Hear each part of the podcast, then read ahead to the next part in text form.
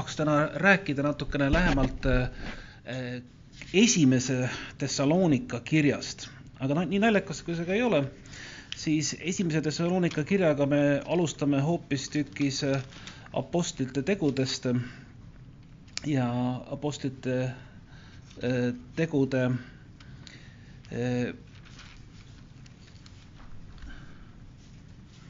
nüüd, jah, seitsmeteistkümnendast peatükist. Kui me vahel räägime mingitest asjadest, et need, see on kõige-kõige, siis mille poolest on esimene Thessalonika kiri kõige-kõige?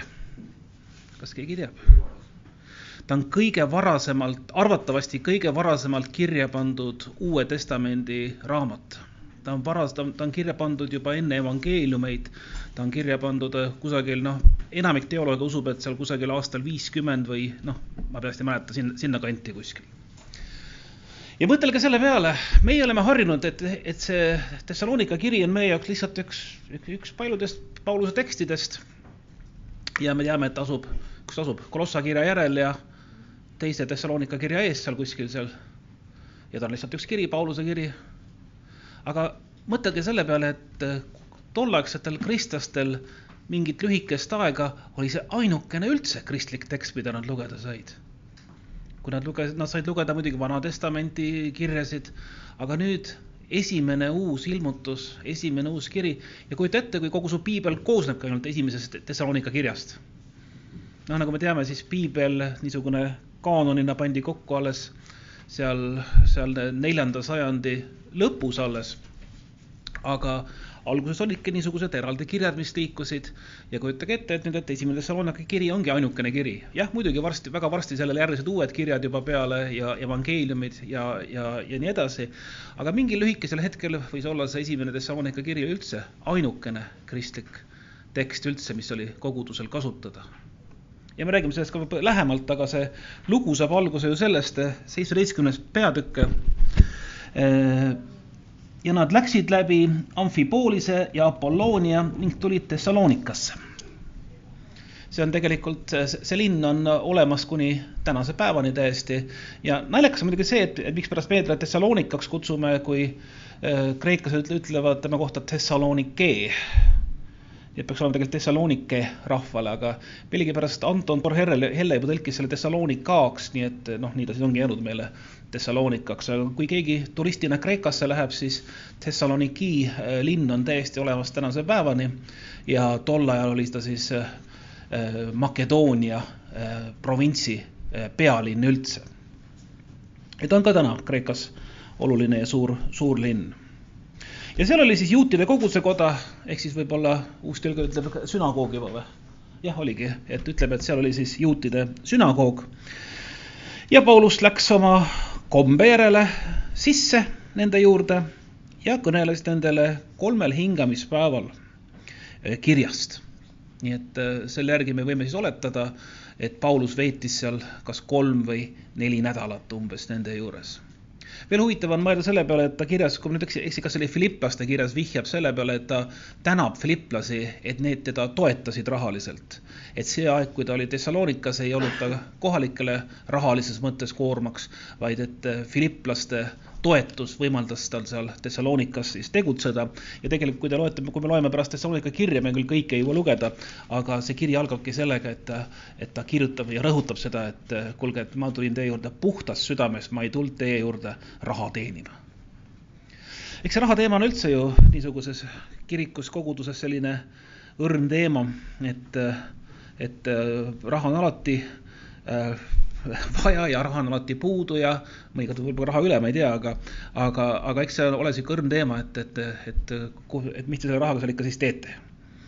aga jah, et meil on siin koguduses ikkagi kulud, me maksame siin renti, me püüame toetada igasuguseid äh, projekte ja sinna see raha läheb. aga Paulusel on ja Paulus väga palju peab sellesama teemaga tegelema seal ja seletama nendest asjadest, et me teeme neid asju puhtast südamest, mitte, mitte selleks, et, et rikkaks saada kui keegi tahab rikkaks saada, siis, siis pastor Ämmet ei ole see, usu mind. ja seal ta siis ongi, et Paulus siis on, kõneleb seal kolmel hingamispäeval, seletades ja tõestades, et Kristus pidi kannatama ja surnust üles tõusma ja üteldes, see Jeesus, keda mina teile kuulutan, on Kristus ja mõned neist said usklikuks ja liitusid Pauluse ja Siilasega, nõnda samuti suur hulk jumalakartlikke kreeklasi ja mitte pisut, ehk siis palju tegelikult, kuidas uustõlge, uustõlge ütleb seal äh,, samuti suur hulk ja, ja rohkesti suursuguseid naisi. nojah, see on kivi meie kapsaaeda mehed, et, et naised kõigepealt evangeeliumit usuvad ja alles siis mehed järele, järele tulevad sellele, selle asjaga. Aga juudid said kadedaks ja võtsid enesega mõningaid hulguseid, nurjatumaid mehi ja kihutasid rahva üles ja tõstsid linnas möllu ja mässu ja see on hästi tavaline, tavaline olukord, et selleks, et kui jumal hakkab midagi tegutsema, siis alati see vaenlane püüab sinna saata mingeid liiga, liiginnukaid tegelasi selleks, et jumala tööd naeruks teha või, või narriks teha. ja mõnikord on see ka võib-olla mingite tõsiste asjade juures, et kõige lihtsam on kukutada läbi mingisugune, ma ei tea, rahvademonstratsioon või midagi, et kui seal kui sinna läkitada mingeid ullikesi, kes siis selle asja nagu ära naeru, naeru, naeruväärseks muudavad seda. ja nõnda samuti püüdis, püüti ka Paulusega teha, et, et ta tuli sinna kulutama evangeeliumit, aga selle asemel tekivad rahvamäsud, kes süüdistavad neid, et, et nad on, ütlevad keisri asemel kellegi teise olevat kuningat. No mõtle, mõtle ise Rooma riigis, kui keegi ütleb, et keiser ei olegi valitseja, mis see tähendab, see on mäss, see on mäss Rooma riigi vastu. Ja selle vastu on ainult üks karistus, hukkamine. ja, ja, ja sul veab, kui sa oled, kui sa oled Rooma kodanik, sel juhul sul, sind hukatakse kiiresti pea maharaiumise teel. kui sa ei ole Rooma kodanik või kui sa ei ole vaba inimene, siis on juba ristilöömine koos kõige sellega kaasnevaga ja on väga huvitav, et, et mida öeldakse Pauluse kohta. Need on siis salm kuus, need, kes kõiges maailmas tüli tõstavad, on ka siin need, kes kogu maal rahutusi tekivad, need on ka siia tulnud. tegelikult, äh, kui sinu kristlik sõnum ei tekita rahutusi, siis, siis ongi sellega midagi valesti. eks ole, kui jumal, jumala sõnum jõuab inimesteni, kes on olnud pimeduses, siis loomulikult see on noh, see on midagi niisugust nagu, nagu sulle välklamp näkku välguks või, või midagi niisugust, see on ehmatav, see on hirmutav. Ja, ja kui sa oled olnud kaua aega pimedas ruumis, tead ju küll, mis juhtub, kui sa tule paned põlema, kõik tundub liiga valge, liiga hele. see noh, sa ei saa, sa pead silmi valvama, kaitsma selle eest. Ja nõnda on ka vaimulikus elus täpselt, et pole midagi imestada, kui inimesed reageerivad halvasti, kui sa neile räägid Jumalast, reageerivad, reageerivad üle, reageerivad ah, mis on hea sõna, defensiivselt, see ei ole hea eesti keele sõna üldse, mis on see? Kaitsepositsioonilt reageerivad, ma ei tea, mis on see Eesti hea, lähed kaitsesse. aga see kõlab ka natuke imelikult, aga noh, ühesõnaga inimesed igal juhul võivad reageerida väga vabalt negatiivselt, aga nüüd täna, kui sa siit lahkud, sa juba tead, et see on piiblipärane. nii peabki, nii ongi, midagi imelikku ei ole selles kõiges. ma mõtlen selle peale, et kui ma ise vot ma unustasin täna kaasa võtta, mis ma lubasin, lubasin ükskord selle prohveteeringu, mis ma, mis ma leidsin. ma leidsin kodust ühe vana kohvri, kus sees olid minu vanad üheksakümnenda ja üheksakümne esimese aasta asjad. ja seal sees oli üks prohveteering mulle ja see oli, see oli, see oli, see oli hästi niisugune äh, noh, tõesti, ma lugesin, et vau, et tegelikult on see suures osas täide läinud. et ma võib-olla sellest, sellest räägin järgmine kord aga tulles tagasi nüüd Thessalonika kirja juurde, siis siin jah, teda süüdistatakse ja selle peale salmist äh, kaheksa, linnas on rahutused, salmis üheksa, nad maksavad tagatise, ehk siis täna, tänapäeval öeldakse selle kohta vist on see, mis on see, mis sa, mis sa pead kohtule maksma, on see, jah, kautsjonit pead maksma, maksma, eks ole, et kautsjoni eest nad said vabaks. ja selle peale siis lähevad nad edasi sealt Thessalonikast äh,, salm kümme, lähevad Beroiasse Beroia linn on samuti tänasel päeval olemas, ma olen küll unustanud, tal on mingi teise nime all on ta tänapäeval, aga ta on seal äh, Thessalonikast mitte väga kaugel teel Ateena suunas. ja on huvitav, et seal, kui nad sinna oli jõudnud, läksid nad juutide koguduse kotta ehk siis sünagoogi ja need olid üllamad kui Thessalonika juudid. Nad uurisid, nad võtsid sõna vastu kõige hea meelega ja uurisid iga päev kirjast, kas see ikka nii on, mida kuulutati. jah Äh, just, et päris paljud, näiteks äh, Thessalonika oli ühel hetkel maailma kõige arvukama juudi elanikkonnaga linn maailmas üldse. nii et see oli, seda, see oli seal eriti, kui ma, kui ma mäletan õieti, neile viieteistkümnendal, neljateistkümnendal, viieteistkümnendal sajandil ta oli maailma arvukam juudi elannikkonnaga linn, nii et, et ka niisugune huvitav fakt on. nii et juutidel oli väga suur osa elust Thessalonikas aga kui me nüüd lähme tõesti tagasi selle sama Thessalonika kirja juurde, kus me oleme selle tausta uurinud, siis veel üks selline huvitav, huvitav äh, fakt on siis see, et äh, paljud äh, teoloogid arvavad seda, et see Pauluse esimene kiri Thessaloniklastele on tegelikult kokku pandud kahest erinevast kirjast, mida ta on saatnud kahel erineval ajal. Mis selles mõttes ju noh, ütleme meile kui kristlikule lugejale pole vahet, jumala sõna on ikka jumala sõna, aga tegelikult, kui siin hoolega vaadata, siis kolmanda peatüki lõpus äh, on nagu selline lõpetus ja neljas peatükk alustab justkui uut kirja. noh, selles mõttes, et, et mitte, et mitte, et see midagi jällegi väga palju muudaks siin, aga, aga ilmselt on vanal ajal siis pandud need kaks kirja kokku üheks kirjaks thessaloniklastele. ja seetõttu ma jätangi seal praegu kõrvale selle esimese kirja, kus ta seal tervitab ja te võite seda ise kodus lugeda kuna Paulus on Thessalonika koguduse looja ja rajaja, siis see kirja toon on selline hästi soe, selline empaatiline, selline noh, ta julgustab neid, noh, ta muidugi siin ka tuletab meelde, et, et eks ole, et, et ta ei olnud nendele koormaks ega kuluks, vaid et tal on kõige olulisem on selle koguduse heaolu seal. ja ta ütleb ka ette, et koguduse tagakiusamine on täiesti tavaline, täiesti oodatav nii nagu me siin ka ütlesime, et kui, kui valgus paistab pimeduses järsult, siis see on inimestele ehmatav, see on, see on, see on midagi, mille peale me peame ütlema neile, et ära karda. kas te olete tähele pannud, et enamikus niisugustes üleloomulikes kogu, kogemustes, kus kellelegi ilmub midagi jumalikku, siis kas ingel või jumal või, või Jeesus siis alati ta ütleb, ütleb kõigepealt, et ära karda. meil on inimlik, meile inimlikult võõras kõik see, mis tundub meile äh, väljapool meie poolt paika pandud korda, seaduseid. Ja meile, me, ja meile, meile, meile meeldib see, et asjad lähevad korra järel, et tulen kirikusse, on üks palve, kolm laulu, jutlus täpselt kakskümmend viis minutit. noh, siis veel lõpus kohvi joomine ja koju minek. aga jumal tegelikult niimoodi ei tegutse, jumal tegutseb hoopis, hoopis, hoopis laiemalt. ja noh, võib-olla me ei ole veel nii kaugele jõudnud nagu kunagised vennaste koguduse vennad Läänemaal, et tulid kokku, mingit plaani ei olnud ja istusid maha ja ootasid, mida püha vaim täna teeb.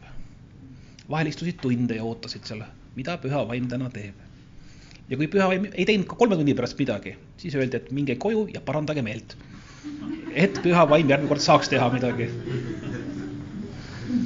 no võib-olla, võib-olla me nüüd nii kaugel veel ei ole, aga, aga võib-olla noh, noh selles mõttes tasub selle peale mõelda, et, et me ei, me ei pea kiirustama alati tingimata ja noh, Sulevingi on hea näide, et ta räägib niimoodi aeglaselt ja pikkade pausidega, et nagu meie sees mingi, mingi hääl ütleb, et noh, räägi juba nüüd, eks ole.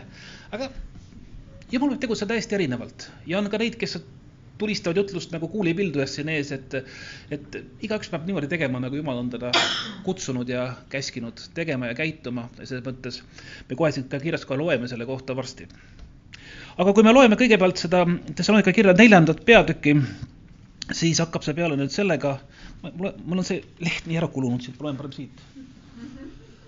nii et äh, viimaks nüüd veel, vennad, õed ka.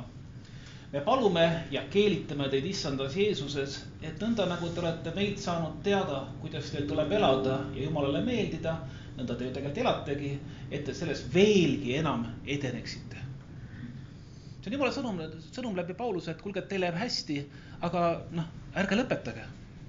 ärge, ärge jääge puhkama nüüd selle, selle koha peale.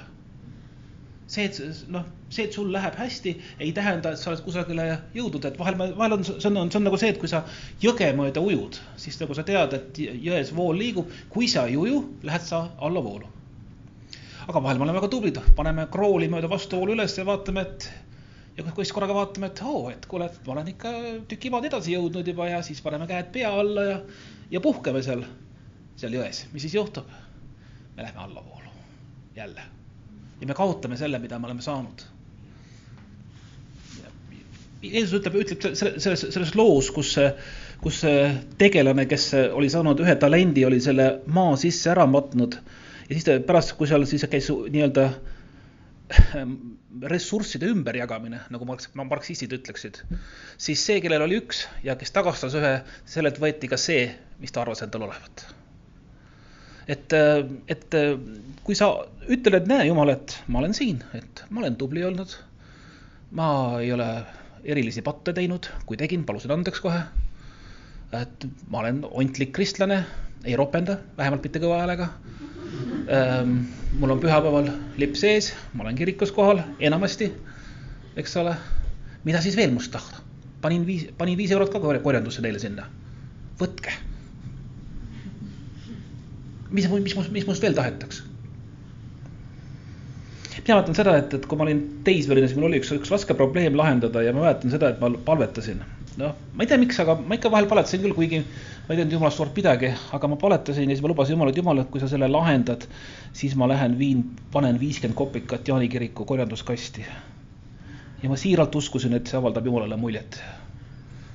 kusjuures see asi laheneski lõpuks, küll hoopis teisel viisil, kui mina seda arvasin. ja see viiskümmend kopikat jäi mul muidugi sinna panemata või ma, ma ei mäleta, mis summast jutt oli, noh, mis iganes, ma olin koolipoiss tollal, mis iganes summa see oli, siis rubla võib-olla, ma ei tea, ma ei mäleta aga, aga, aga ega, ega ma seda sinna ei, ei, ei, ei tasunud küll tagasi. ja kus me jõudsimegi? ah, võta üks tagasi, võta kaks, võta kaks taga, kaks veel korraks. jah, te ju teate, millised korraldused me teile oleme issandas Jeesuses. võta, võta üks edasi. Läks palju, jah, andnud.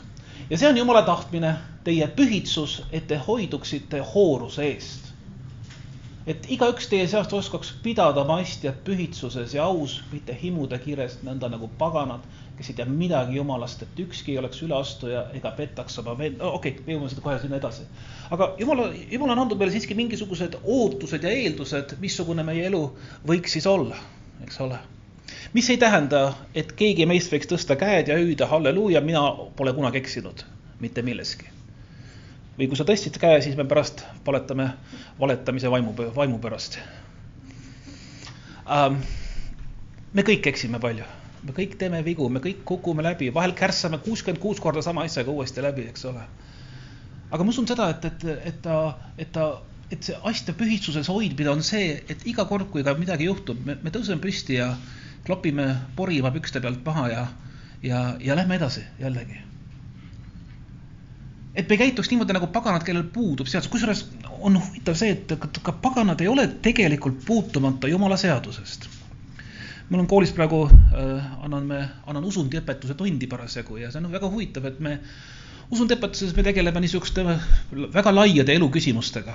et äh, noh, see ei ole mingi, selles mõttes see ei ole mingil juhul piiblitund, vaid see on selline usundiõppetund, kus me esitame endale küsimusi ja siis mõtleme, et no miks, miks see on niimoodi, et kõikides kultuurides, kõikide inimeste juures on mingid asjad nagu sarnased, ilma et keegi oleks seda kuskil kokku leppinud.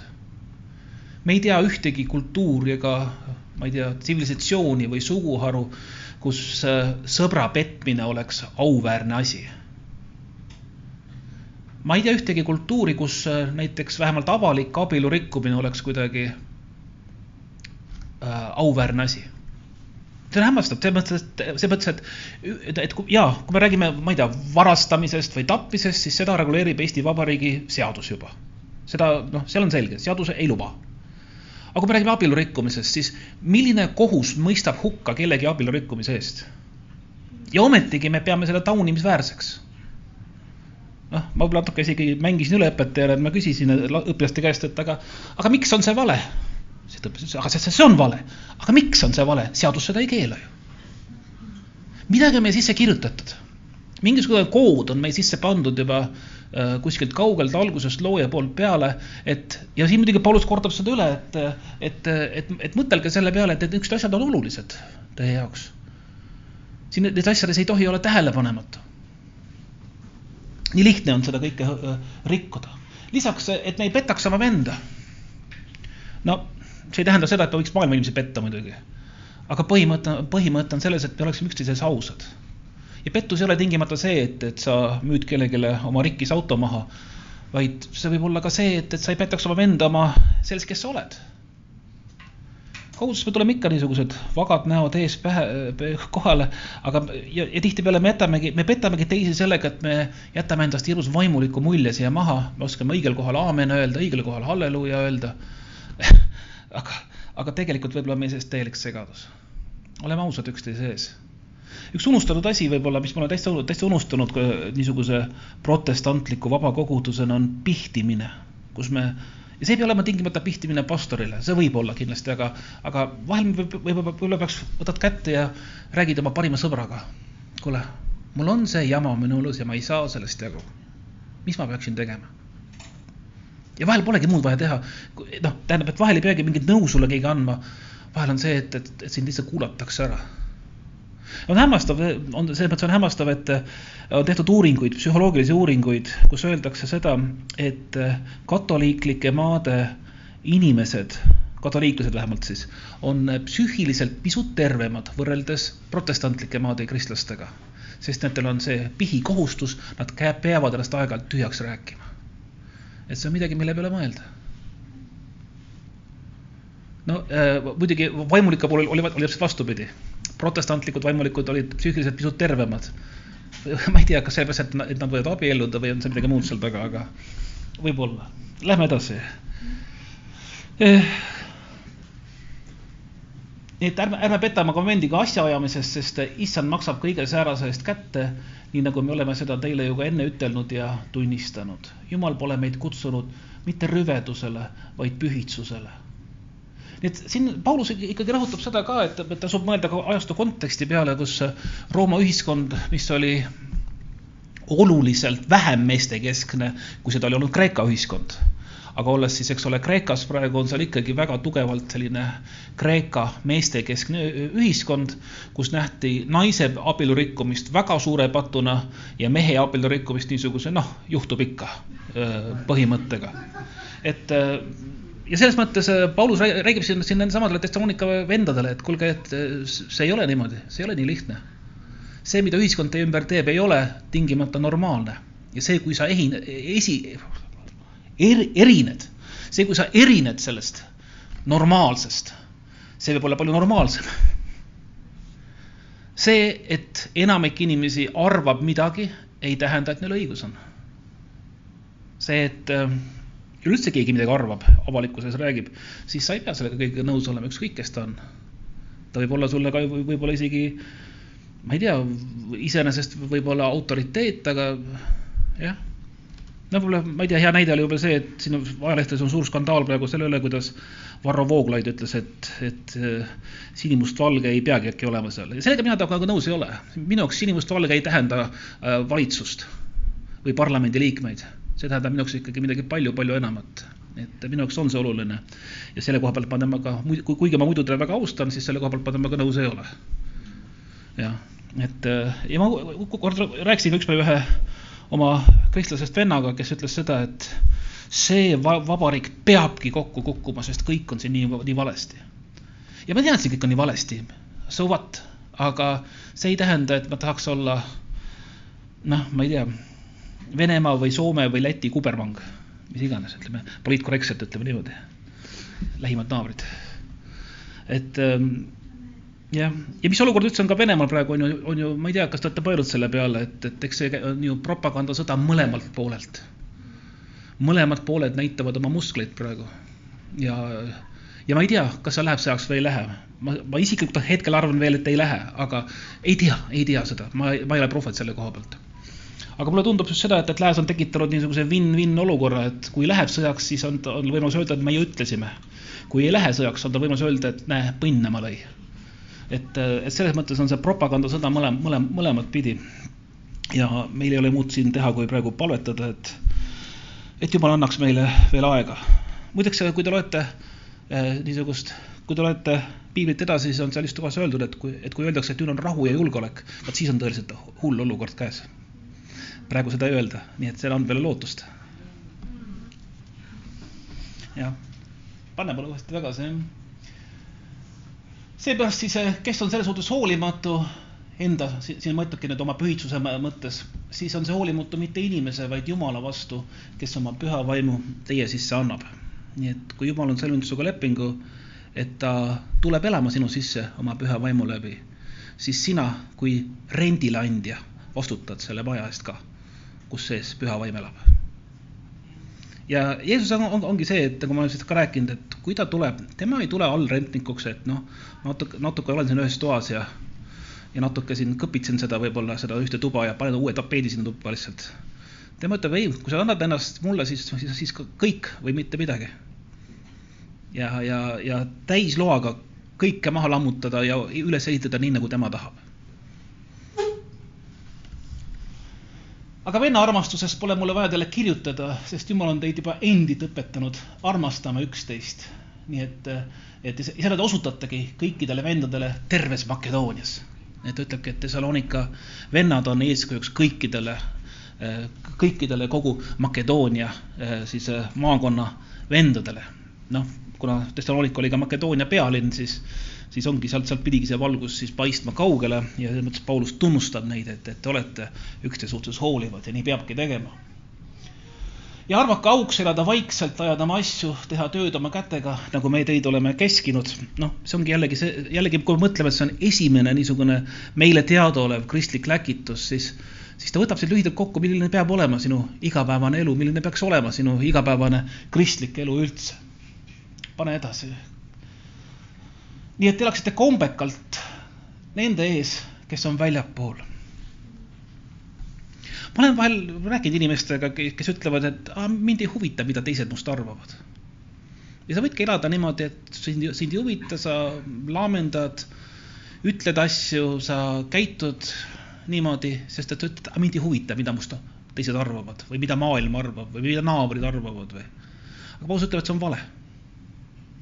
sina vastutad selle eest et valgus võiks sinu läbi paista nendele inimestele, kes on sinu ümber. isegi siis, kui nad on mittekristlased, seda enam peaks sinu valgus neile paistma.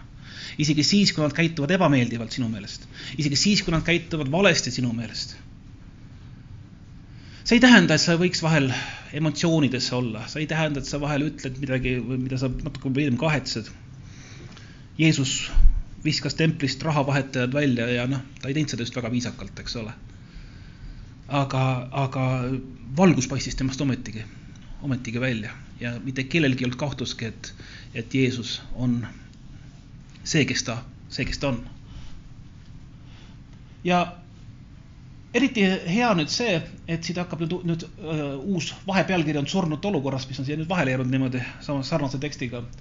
aga siit algab tal nüüd täiesti uus teema, kus ta hakkab rääkima nüüd, kui ta on lõpetanud sellise igapäevaelu korralduse mismoodi elada, mismoodi käituda, siis äh, ja, ja veel enne kui me sinna lähme, siis just see viimane lause, et teil poleks kellelgi midagi vaja, et, et, et Paulus julgustab seda, et ole niisugune, et, et sa ei pea abi kellelgi küsima, vaid oled pigem see, kes pakub abi, kes annab seda abi, kes saab seda abi pakkuda. kindlasti on meil vahel elus hetki, kus me vajame abi.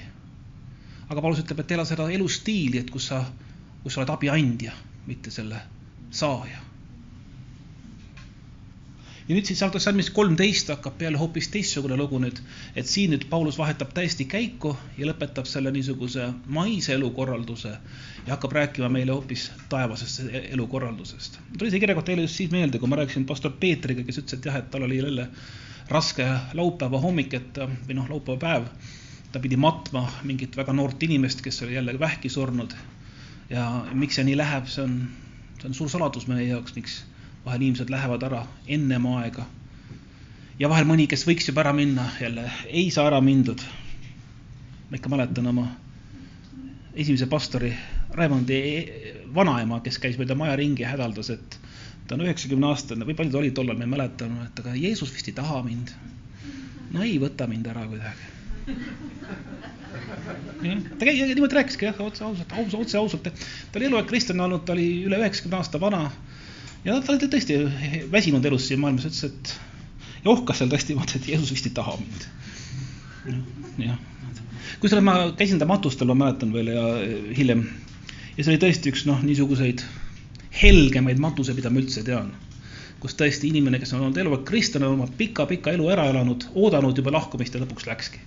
ma mäletan, kuidas see pastor seal lausa tegi nalja, ma ei ole, te ei kujuta ette, et kirstu juures võiks keegi nalja teha vaata et sa hõikasid tema elust, me kõik naersime, me olime kõik rõõmsad seal selles mõttes, et üks lihtsalt, üks meie kaaslane on lõpuks seal, kus ta tahtnud kogu aeg jõuda. ja tegelikult niisugused peaksid olema kõik kristlaste matused. ja siin ta ütlebki, et me ei taha, vennad, et teile jääks teadmata nende järg, kes teil läinud magama, et te poleks kurvad nagu need teised, kellel ei ole lootust. ja minu arust üks masendavaid asju on, on ilmalikud matused sest mida tal öelda tegelikult on? See igavene mälestus jääb temast, elab meie südametes, no issand jumal. Lenin elab ka meie südames, meile öeldi vana, vanasti öeldi meile. jah. aga just kristlastena me, me teame seda, et, et see, mida me sinna kirstu oleme pannud, on ainult see, mille me siia maa peal oleme endast maha jätnud. ja see, sellest tuleb aru saada, et kui sa matad oma lähedast, kes on olnud kristlane või kelle puhul sa usud, et Jumal on talle puudutanud, siis see, mis me matame, see on ainult see, mis ta maha jättis endast. kui sa tuled õhtul tema tuppa, paned riided voodi peale, lähed magama, siis arvatavasti ei tule su abikaasa su riietega rääkima sinna enam. sest ta saab aru, et sind pole nende sees. või, või mis, kes iganes, eks ole, et, et meie riided on osa, oluline osa meist arvatavasti, seda enam meie keha on oluline osa meist, aga see pole veel kaugeltki mitte kõik, kes või mis me oleme sest me usume, et Jeesus on surnud ja üles tõusnud ja siis me usume ka, et Jumal äratab Jeesuse kaudu üles kõik need, kes on koos temaga läinud magama.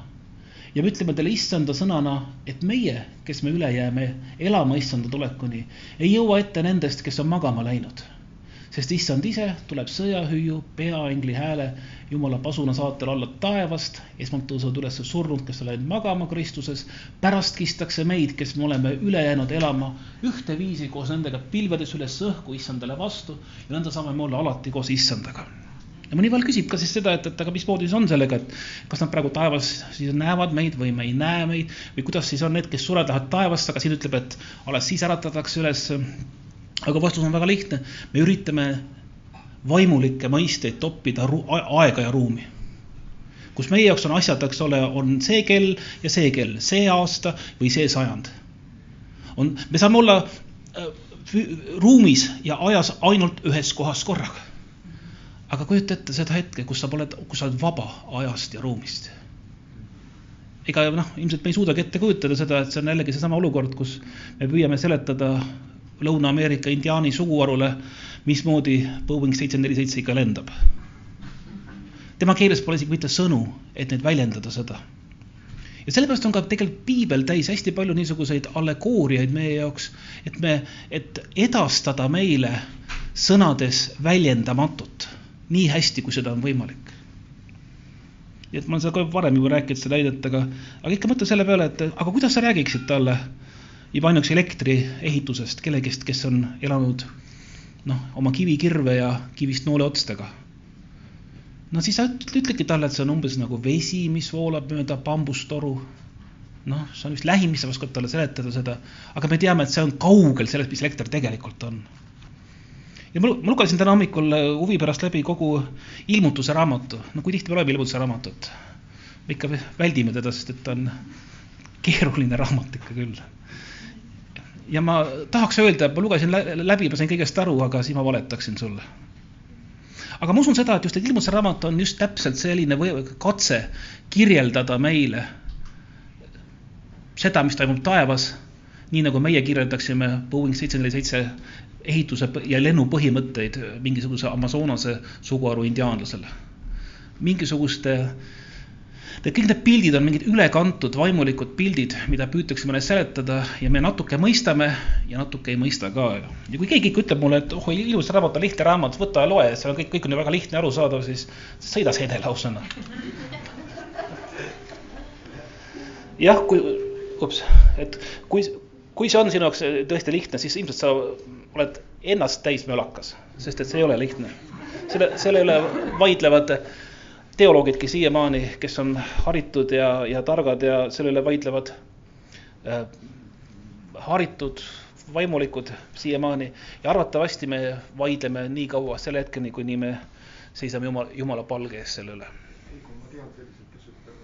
jah, jah, ma tean, ma olen kuulnud selle lause, et, et kõik on lihtne ja selge, kõik on ju piiblis kirjas. kus me oleme järjega? Jah, julgustage üksteist nende sõnadega.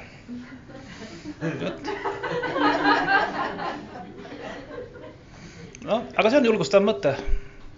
midagi undab kohutavalt mul siin, kas mul on monitor sees või?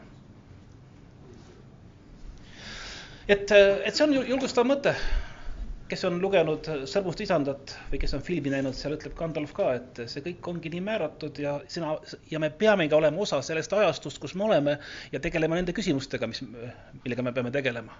ja see ongi julgustav mõte. aga me võime isegi edasi minna ja meil on ka viies peatükk ja mulle meeldib jällegi see, et aegade tundide kohta, vennad, ei ole vaja teile kirjutada, sest te teate täpselt, et issanda päev tuleb just nii nagu varasöösel.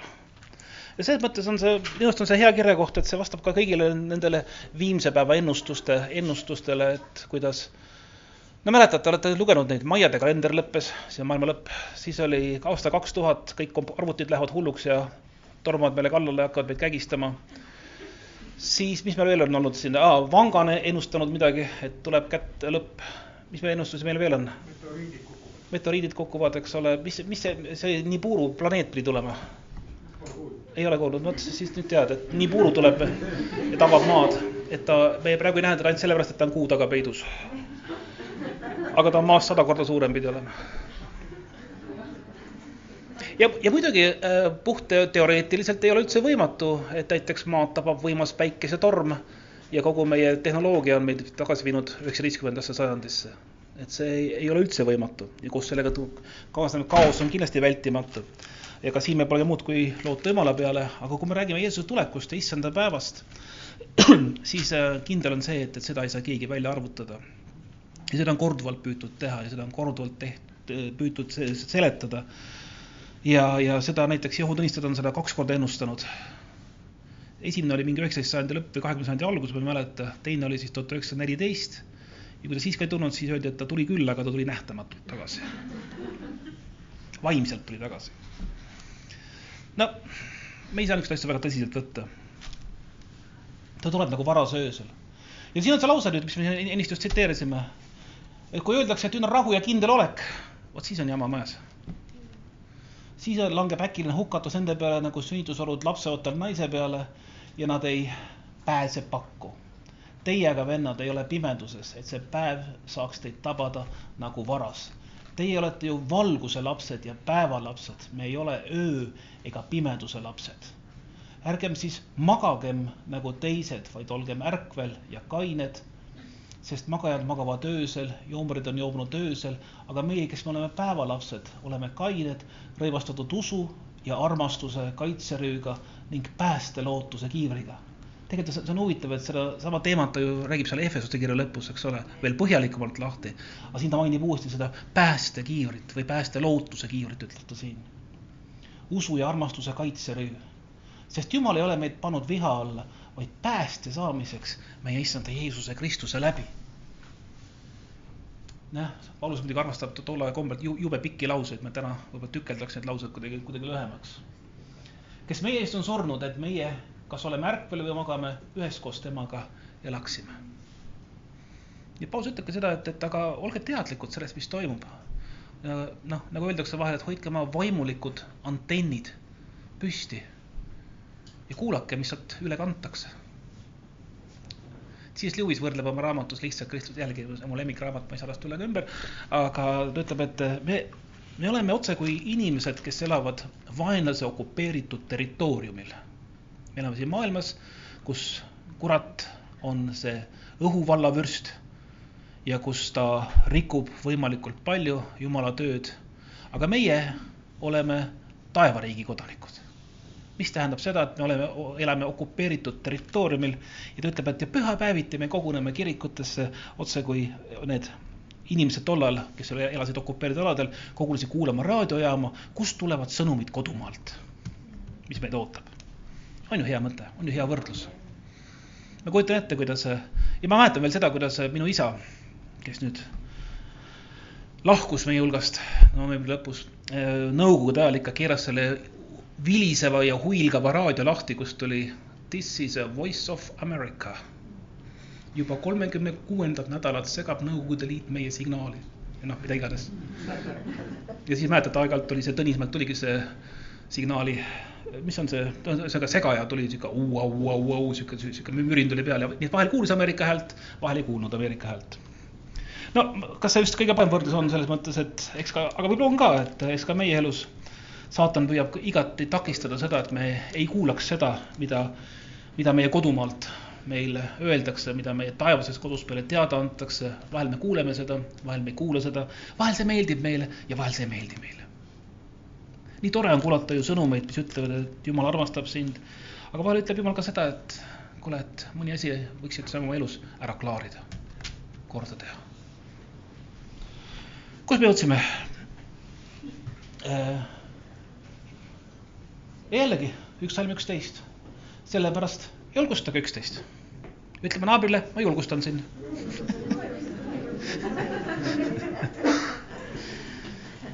igaüks, nüüd, nüüd, nüüd sa pead oma naabrit kosutama siis me läheme pärast sinna kohvilaua juurde, siis sa võid oma naabrit kosutada seal. nagu te seda teetegi. ja ja lõpuks siis nüüd, nüüd, nüüd on, nüüd on ta lõpet-, lõpetanud jällegi sellise niisuguse igavikulise teema ja läheb edasi.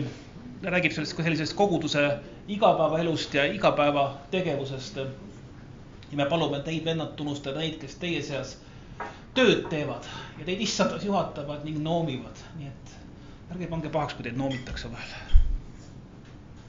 ja pidada neist armastuses üliväga lugu nende töö pärast ja hoidke omavahel rahu nii lihtne on leida seda, mis meid eristab, nii lihtne on öelda, et aga tema ütles niimoodi. aga miks tema niimoodi ütles, aga miks tema niimoodi vaatas mind? minu tõesti nüüd lugu on selles, et ükskord pärast kirikut keegi tuli mu juurde, küsis, et Heigo, miks sa läbi kogu teenistuse läbi nii kurja näoga vaatasid? ma ei mäleta, ma ei oleks üldse ta poole vaadanud. aga, aga ta väidab, et ma vaatasin teda kogu teenistuse kurja näoga. no vot kui, kui sulle tundub, et ma vaatan sind kurja näoga, siis tule küsi üle pärast, siis ma ütlen sulle, kas ma vaatasin kurja näoga või ei vaadanud. ja veits maitsvad teid vennad, see on nüüd ka omavahel, noomige korratuid, julgustage pelglikke, aidake nõrku, olge pika meelega kõikide vastu. mitu korda tuleb vennale andeks anda? seitsekümmend korda seitsekümmend. jah, päris, see on päris palju. jah, see on, põhimõtteliselt on see pidevalt muidugi sa võid ju hakata kirja panema kuskil märkmikusse, et mitu korda sa oled talle andeks andnud, et kui sa oled, ei, see oli seitse korda seitsekümmend, aga oli ju niimoodi, et kui sa oled nelisada üheksakümmend täis, siis võid öelda, et nüüd ma enam andeks ei anna. meil on vaja ra raamatupidaja võtta selle jaoks. Emme pakub teenust. vaadake, et keegi teisele kurja ei tasuks kurjaga, vaid taotage alati head üksteisele ja kõikidele, kõikidele. see läheb minu vastikule naabrimehele ka või? Minu vastikule ülemusele töö juures. kõikidele. on raske. minu naabrimehele, kes sõidab minu muru poriseks iga, igal hommikul, sest et ta ei viitsi rooli keerata enne, kui ta minu muruplatsile jõuab. kõikidele. rõõmustage alati. palvetage lakkamatult me oleme rääkinud sellest, et see ei tähenda seda, et sa, sa noh, et su suu käib päev otsa kakskümmend neli H, vaid vaid see on, see on sinu olemus. ja tänage kõige eest, see on, mida Jumal teilt tahab Kristuses. ja nüüd üks väga hea niisugune lause on see, ärge kustutage vaimu. ärge põlake prohveti andi või prohvetlikku kõnelemist, ütleb, ütleb vana tõlge. kunagi ütles üks pastor, et palju parem on hullumaja kui surnuaed. et kui keegi üldse midagi ei tee vaimulikku, siis on see palju hullem kui see, kui seda liiga palju tehakse. nii et ja kui sa, kui sa, kui sa hüppad edasi, siis ta ütlebki siin sellega, et aga katsuge kõik läbi. ja see, mis on hea, sellest pea kinni. kui sulle keegi profeteerib midagi ja sa tunned, et see absoluutselt ei, ei kõnele minu vastu, see, see käib mul üle pea, see ei mõjuta mind, siis äh, paremal juhul pane ta riiulisse, las ta ootab oma aega. aga kui sa tunned, et on täitsa vale, siis, siis äh, ära pane seda, äh, ära pea sellest kinni, nagu ütleb piibel. pea kinni heast. kust me teame, mis asi on hea? Võib-olla me vahel kohe kõike ei teagi, aga igat puud tuntakse mille järgi? tema juurte järgi, lehtede järgi?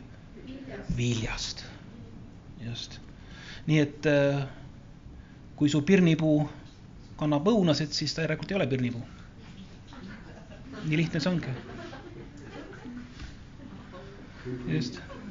kui sa paned kartuleid maha, siis ära oota, et sinna kapsas kasvaks. see oleks skisofreenne, eks ole. Ja kui seal tärkabki kapsas, siis, siis sa ei ole sinna külvanud kartulit. vaid sa oled sinna külvanud kapsast. katsuge läbi kõik, pidage kinni sellest, mis on hea. hoiduge igasuguse kurja eest. nii et selles mõttes ei ole hullu, kui keegi koguteenistusel prohveteerib, ütleb midagi vaja väga head, me pingutame selle nimel, et hoida oma kõrvad lahti. kui eksime, siis eksime, mis seal ikka. Ja noh, ikka tuleb veel koguduse asju vahele seda, et keegi ütleb midagi, mis sulle ei meeldi. keegi ütleb midagi mingi tooniga, mis sulle ei meeldi võib-olla, aga peame sellest kinni, mis on hea, mis ei ole hea, selle lihtsalt, sellest me ei pea, ei pea kinni, selle me võime vabalt unustada. ja, ja sellega koos edasi minna, pidagem kinni sellest, mis on hea ja siin on veel nüüd Pauluse lõputervitus, millega ta lõpetab. Noh, jällegi tasub mõelda selle peale, et see on meie esimene kristlik kiri üldse, mida kogudustes ette loetakse. tegelikult oli tollaegne komme oligi selles, et neid kirju ju mitte keegi ei lugenud igaks ise, noh, neid käsikirjugi polnud nii palju. muidugi hakata neid kirju koheselt kopeerima, nii et ka näiteks esimese Thessalonika kirjast vanim säilinud koopia meie jaoks oli teisest sajandist olid mingisugused papüüruse lõigud, kui ma nüüd õieti mäletan jah, et lõigud, mitte isegi terved tekstid. Aga mingid lõigud on sellest säilinud teise sajandi lõpust, aga neid siis hakati paljundama, kogudustes ette lugema ja Paulus lõpetabki sellega, et rahu Jumal ise pühitsegu teid läbinisti ning teie vaim ja hing ja ihu olgu tervikuna hoitud laitmatuna meie issanda Jeesuse Kristuse tulekuks. eks see, mis on, mis on vaim, vaimu ja hinge erinevus ega seal, selle kohta on olemas muidugi väga palju erinevaid tõlgendusi, aga üks asi, mida ütleb Paulus, et seda vahet lõikab sisse ainult äh, Jumala sõna, ehk siis see kahetera, mis on otse kui kaheteraline mõõk. see tähendabki seda, et see vahe on peenikega, noh, näiteks Kenneth Hagin on seda seletanud, et vaim on sinu vaimulik olemus ja hing on sinu intellektuaalne või hingeline olemus. võimalik, et see on niimoodi aga võimalik, et nad on veel, veel mingid, mingid seletusi sealjuures, igal juhul piibel rõhutab, et me oleme niisugune kolmeosaline, nii nagu Jumal on kolmainus, on ka inimene kolmainus. kui, kui Jumal on isa, poeg ja püha vaim, siis inimene on äh, vaim, hing ja ihu. ja nii nagu vaim, hing ja ihu on koos, nõnda on ka kolmainus koos, kuigi, kuigi äh, neid võib eraldada. me võime, me mõistame, et kui me siit lahkume siit ilmast, meie vaim ja meie hing lahkub siit, meie keha jääb maha siia ühel hetkel oli Jeesus siin maa peal ja, ja, ja praegu on püha vaim siin maa peal meid juhatamas, aga ometigi on, on ta Jumalaga üks, nii et jällegi me püüame panna seletamatut, seletada sõnadega. keeles või, või meeles, kus meil puuduvad isegi mõisted selle, võib-olla selle seletamatu seletamiseks. kuni meie issanda Jeesuse Kristuse tulemiseni, ustav on see, kes teid kutsub, küll ta teebki seda Paulus ütleb, et vennad, palvetage meie eest. Kuulge, kui Apostel Paulus vajab palvet, kui palju enam meie seda vajame? Apostel ise ütleb, et kuulge, palvetage meie pärast. me vajame seda. no nii, see on järgmine asi, mida praktikasse panna.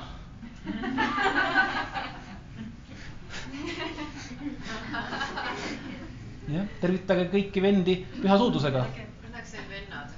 Õnneks on jah ei, ei, et see on, see on kogudusele, et vendi peab õnnitlema püha suudlusega.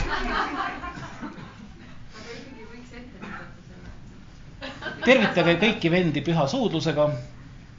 ah, muidugi, eks ole, selline jällegi oma ajastu kontekst, eks ole, et, et võib-olla täna ütleks Paulus, et kallistage kõiki vendi või suruge kätt kõikidel vendadel, et veel ju tegelikult veel kaheksakümnendatelgi äh, Leonid Brežnev seal pani Hoonekirjale ikka korraliku musu suu peale, kui kokku sai temaga, et see oli niisugune ja selles ei olnud midagi homoseksuaalset, selles oli, see oli lihtsalt vana slaavi meeste komme. kes, kes see oli, kes, kas Alar Hermagul äkki või kui ta oli kuskil Itaalias, sattus Ukraina, vanade Ukraina nelipühiste koosolekule ja see lõppes ka sellega, et kõik vennad panid üksteisele otse huul, huulte peale, et ta ütles, et ta rohkem ei tahtnud sinna minna enam no. ma ei mäleta, kas see oli Alar või oli keegi, kes selles seltskonnas oli jah, ja ma vanutan teid issanda nimel, see kiri loetakse ette kõikidele vendadele ja tänases kontekstis ütleks, et ka kõikidele õdedele. ja meie issanda Jeesuse Kristuse arm olgu teie kõikidega. amin. vot niisugused mõtted täna Thessalonika kirjast ja kui jumal annab, siis me võib-olla vaatame mõnda muud kirja jälle edasi teinekord. aga et see oli siis ülevaade esimesest Thessalonika kirjast kui ühest vanimast, tähendab, või noh, arvatakse, et kõige vanema, kõige esimesena kirja pandud uuetestamentlik tekst üldse on siis esimese Thessalonika kiri. kirja on ta pannud arvatavasti siis, kui Paulus oli kas Ateenas või oli seal hiljem äh, kuskil teises kohas, ma ei, peast ei mäleta jälle neid detaile, aga neid saab kõike muidugi alati guugeldada ja lugeda, et ähm, aga jah, et oleks ühel nõul, et see on üks vanimaid äh, Uue Testamendi tekste üldse. amin